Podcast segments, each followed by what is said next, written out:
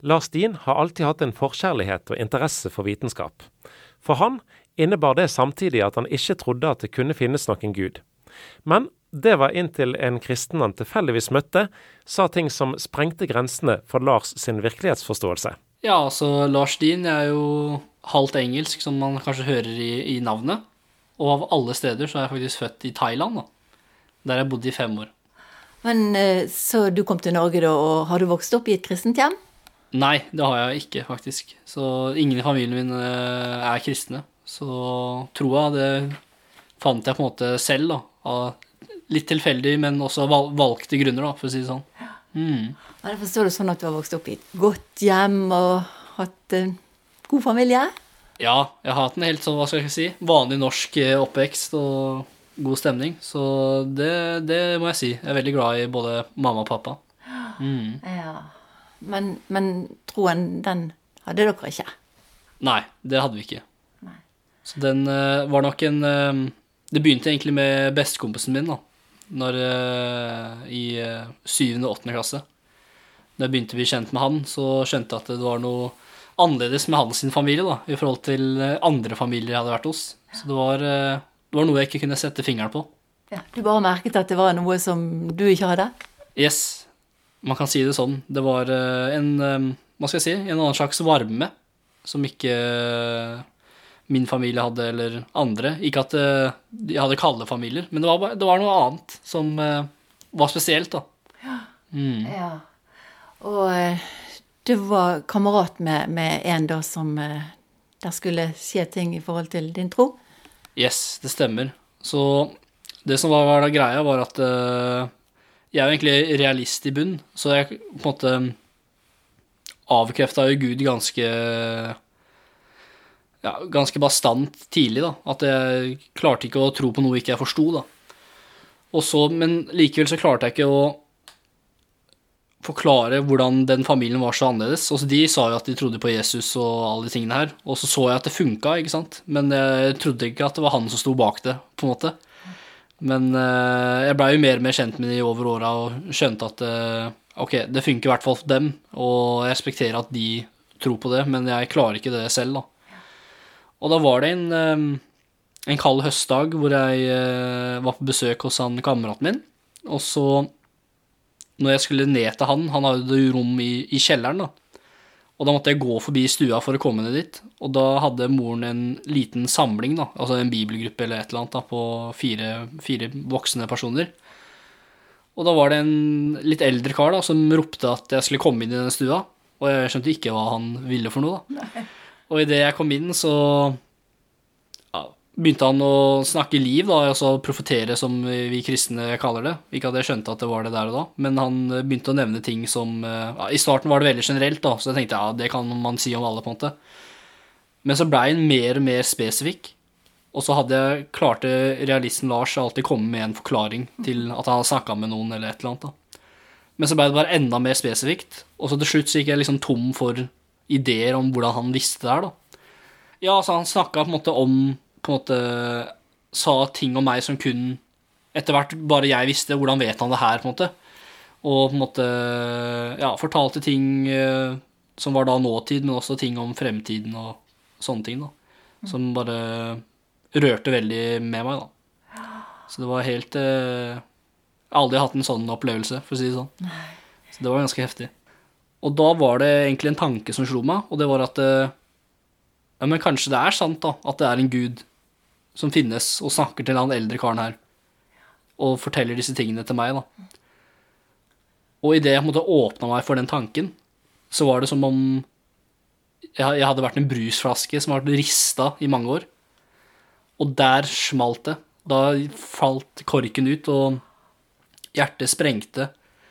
Og varme fløyt rundt i hele kroppen, og jeg kunne ikke forklare det i det hele tatt. Jeg, altså, jeg trodde jeg hadde rusa meg eller et eller annet, men det var jo Men de ropte jo da at det var Helligånden og disse tingene her, da. Og de bare 'halleluja, halleluja', og jeg bare 'hva er det som skjer nå', liksom. Og jeg prøvde på en måte å stoppe det, prøvde å stå imot, måte. Og den opplevelsen var så heftig, og jeg er liksom han siste fyren da, som har følelser på den måten. Jeg, altså, jeg, føler jeg gråter aldri, og jeg føler aldri noe, på en måte. Så det var jo helt på en måte ut av meg selv-opplevelse, og da klarte jeg ikke å benekte at Gud fantes, da. Så det var en sånn pangstart med at eh, ok, nå var det en ny på en måte tankesett i meg, og det var at eh, istedenfor å tenke at jeg må forstå alt for å tro, så kan jeg sammen med Gud nå forstå hvordan han og verden funker, da. Så det bare liksom, ting bare liksom snudd på hodet, på en måte. da. Oi. Så det var eh, ganske heftig, da. Oi. Så realisten Lars, han ble stilt rett til veggs. Ja, man kan si det sånn. Han ble stilt rett til veggs. Så det Nei, det var veldig gøy, altså. Mm. Ja, Så det begynner å bli en, en, en del år siden nå, men det Ja. Mm. Du gråt og du lo om hverandre, for jeg. ja. Ja, ja, ja. Det var eh, helt eh, Jeg kl- klarte ikke å holde det, å holde det igjen. Så det var helt, eh, helt merkelig. Helt ut av intet. Altså, du, du som ikke verken trodde eller noen ting, og så bang, så, så var Gud der allikevel. Ja, det stemmer det. Det var ikke noen røykemaskin eller elgitar, eller det var helt en, en helt vanlig mørk stue med fire voksne personer. Så det var, det var ikke mer, mer enn det som skulle til. Hva skjedde videre da i forhold til alt dette her?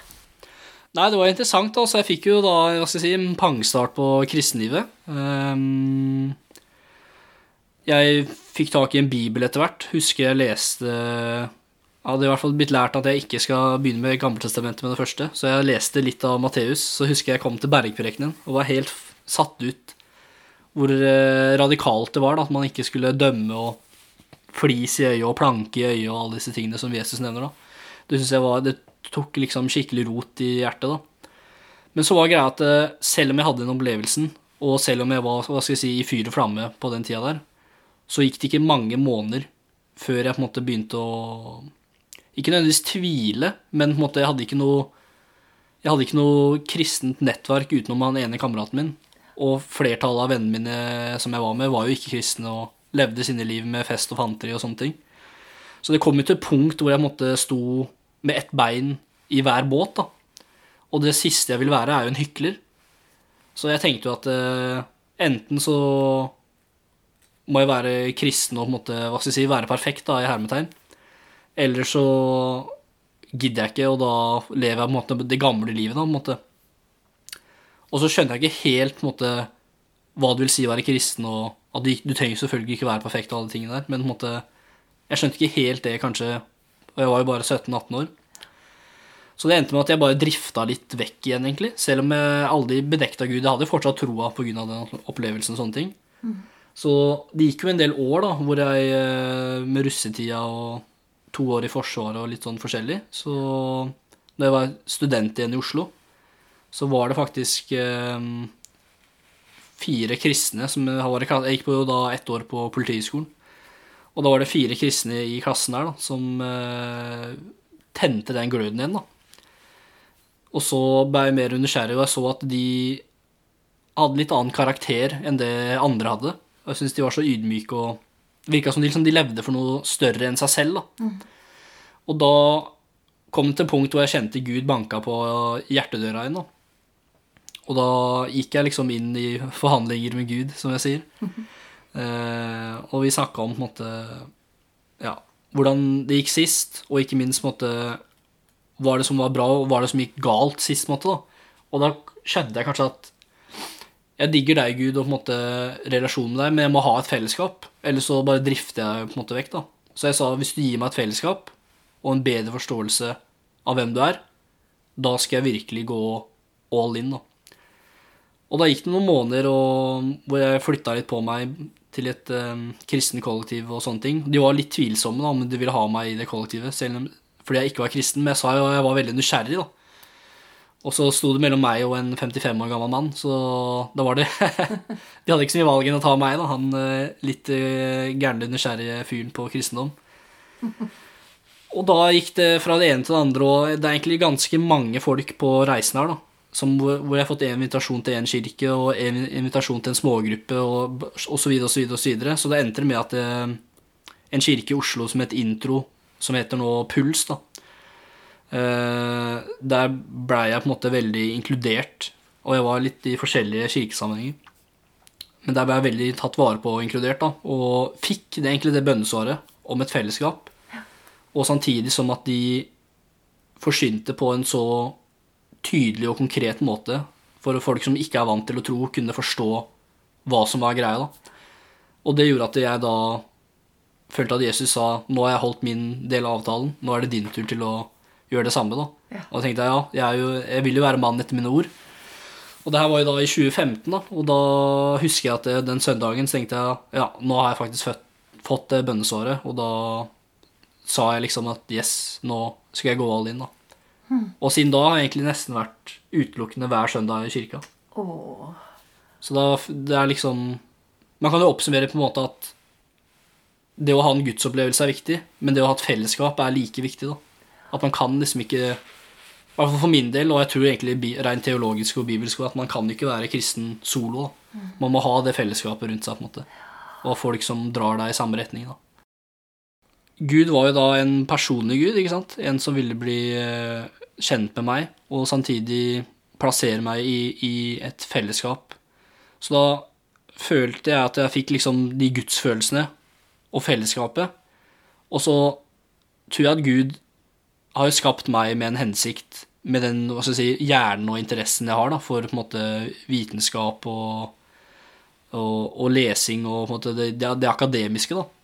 Så jeg tror på en måte også skal si, den siste F-en her, fornuften, da, var jo noe i løpet av den tiden fra 2015 til nå som har bare vokst mer og mer og mer. Så hvis folk spør meg nå altså, okay, Så før kunne folk ha spurt meg hvorfor er du kristen, så ville jeg sagt fordi jeg hadde en Guds følelse. Og så kunne jeg spurt meg noen år seinere hvorfor er du kristen, så ville jeg sagt jo, for jeg har så godt fellesskap. på en måte. Men hvis du spør meg i dag hvorfor er du kristen, på en måte, så tenker jeg at det er ufornuftig å ikke tro. Altså, jeg klarer ikke med rene fornuften. Og altså, jeg må tro ved hjelp av fornuften, på en måte. da. Etter alt jeg har lest og studert og sånne ting, så klarer jeg ikke å benekte Gud og Jesus og hele pakka reint fornuftig, da. Så egentlig alle de tre F-ene er på en måte det som jeg føler at uh, troa mi er bygd på. da. Følelser, fellesskap og fornuften, på en måte. da. Mm. Så fra tidligere trodde trodd at kristendommen bare var noe gammelt fra romertiden eller et eller annet sånn sprøtt, så har du merket at han lever. Det er helt riktig. Jeg trodde det var noe gammelt utdødd som eh, Det er jo typisk det man lærer på norsk skole i dag. ikke sant? Den sekulære myten om at eh, religion var noe for fortida, og spesielt da kristendommen i vår kontekst. da. Men så skjønner jeg mer og mer etter jeg har lest det ene og det andre, at mye av fruktene i samfunnet i dag, som er gode, er fra kristendommen. på en måte. Det er ikke liksom noe som vi har fått fra antikken eller sånne ting. Det er liksom det er frukter fra Jesus, og det er frukter fra de kristne, og frukter fra ikke minst at Bibelen har blitt tilgjengelig for mannen på gata. Og det har virkelig hatt heftige påvirkninger på samfunnet. da. Mye mer enn det vi tror, da. Så det må løftes mer fram i samfunnet da, tror jeg. Hvordan reagerte familien din da, Lars, når, de, når de, du plutselig ble kristen? Ja, det var jo litt uh, ymse Altså, med fattern så pleier vi ikke å ha så, Han er jo litt sånn gammeldags sånn sett at man ikke snakker så mye om uh, hva skal jeg si, personlige ting på den måten. Meg og han gjør mer sånn snekring sammen og sånt, så det er ofte det det går i der. Så han har ikke brydd seg så mye, egentlig, om det. Uh, mamma trodde det kanskje i starten at jeg blei mer med en sekt, og var liksom redd på en god måte sånn sett, da. Men så har hun skjønt mer og mer ettertid, tror jeg, da, at eh, For hun ser jo fruktene av det, på en måte. Hun ser jo på en måte at jeg har blitt annerledes og tar andre valg, og ikke minst måten jeg liksom, ble gift og har barn og familie og disse tingene her. Så hun, hun ser jo at det er jo på en måte noe annerledes med meg, på en måte. Men hun velger sikkert å si til seg selv at uh, det er fordi Lars har blitt voksen, på en måte. At det kan hende at det er hennes forklaring, da. Men eh, jeg tror ikke jeg hadde blitt voksen på den samme måten hvis jeg ikke hadde vært kristen. da. Mm. Både tomhet, som du gikk og slet med, og alt dette her ble jo veldig forandret, forstår jeg. Tomhet og ensomhet og manglende tro på deg sjøl, som de fleste gjerne sliter med. Alt opplevde du forandret seg. Ja, og så Hva skal jeg si? Jeg, jeg, jeg ser ikke på meg som at jeg var en depressiv eller på en måte um, ensom type, men det er jo på en måte Jeg husker jo når Altså rett før 2015, da når jeg valgte å gå tilbake til eh, Gud, da, så hadde jeg på en måte smakt på himmelen, på en måte. Og da merka jeg på en måte at alt annet smakte ikke det samme. Altså, det var på en måte Jeg hadde jo masse folk rundt meg, jeg var jo på fester og det ene og det andre, og det var jenter i hytte og gevær og sånne ting, men likevel så var det en en sult som aldri blei mettet, da. Det var en tørste som aldri blei fylt, på en måte. Og uansett hvor mye jeg drakk på lørdag, så våkna jeg hver søndag og var like tørst. Altså, det må på en måte Så det, det var, det var kanskje også litt av motivasjonen til at jeg tok det steget med å, å connecte med Gud igjen, da. Det var jo at på en måte Hva skal jeg si, jeg kom kanskje litt til enden av meg selv og tenkte Er dette her livet, på en måte? Er dette liksom For jeg følte at jeg liksom for å være 20 år, at jeg liksom levde drømmen av studenttida og liksom fest og fanteri og alt det her, liksom, at det her er liksom det mange har gleda seg til. Men så på en måte, når jeg først var der, så var det sånn Oi, er det, is this it, liksom? Er det måte, er det ikke mer til det enn det? Mm. Og da var det nok på en måte den den gamle Altså da begynte jeg å mimre litt tilbake til den første opplevelsen jeg hadde med Gud. At det var jo så mye bedre, på en måte, da. Som gjorde at jeg måtte ta steget tilbake dit. Mm. Du hadde fått en smakebit fra himmelen så du aldri kunne slippe? Yes, man kan si det sånn. Mm.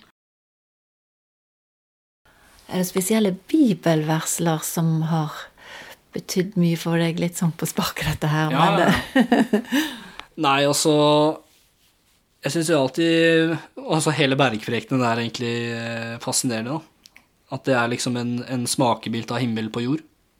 Eh, men så, og i hvert fall Matteus 6,33, da, søk først Guds rike og hans rettferdighet, så skal alt det andre gitt i tillegg. Det er virkelig noe jeg på en måte syns har funka, på en måte, da.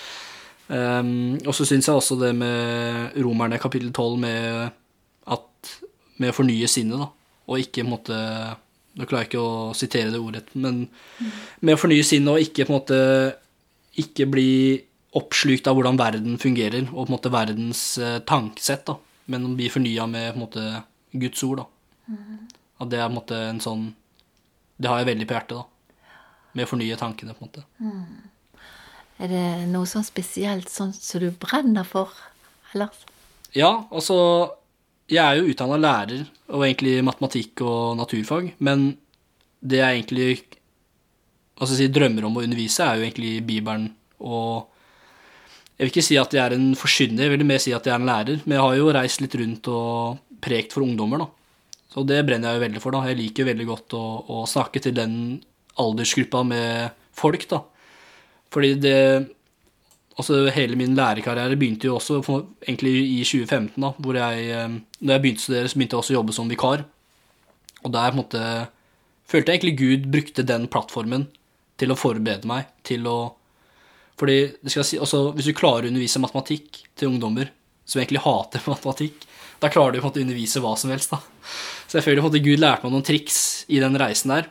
For det tok ganske mange år før jeg begynte å faktisk preke for ungdommer. da. Så det syns jeg er veldig gøy. Så det, det, er litt det jeg gjør om dagen. Når jeg eh, ikke er på jobb eller en familie, så er jeg litt engasjert i ungdomsarbeidet. Så flott. Så du har tro på at det, det når inn på samme måten som det nådde inn til deg når du var ung? Ja, jeg må jo nesten tro det, altså. Nei, men øh, jeg tenker jo altså Det er jo viktig å, å, ha det perspektivet når man selvfølgelig forsyner og sånne ting. Men det jeg syns er en rød tråd her med hele min historie, er at det var egentlig ikke jeg som valgte Gud. Det var Gud som valgte meg. da og at han plasserte alle disse menneskene i livet, så mange kristne, som kanskje undervurderte det lille steget de gjorde, men som bare også Bibelen sier jo det med sennepsfrøet er det minste frøet, men det blir det største treet, da. Og jeg tror at det er så mange av de kristne som jeg møtte, som ante ikke at de sådde et sennepsfrø i livet mitt, og så fikk det utallige frukter, da. Så jeg tror det er så viktig for oss kristne å aldri undervurdere den ene invitasjonen, den ene bønnen. Også det er sikkert masse folk som har bedt, og det er masse folk som har invitert, inkludert og gjort det ene og det andre, selv om jeg ikke har så mye kontakt med de i dag. Og ikke minst han gamle mannen som profeterte. Og, Alle, måte, det er så mange her da, som på en måte har uh, gjort en viktig del. Mm. Og det føler jeg er liksom uh, Gud som valgte meg. da. Du har hørt en podkast fra Petro. Du finner masse mer i vårt podkastarkiv på petro.no.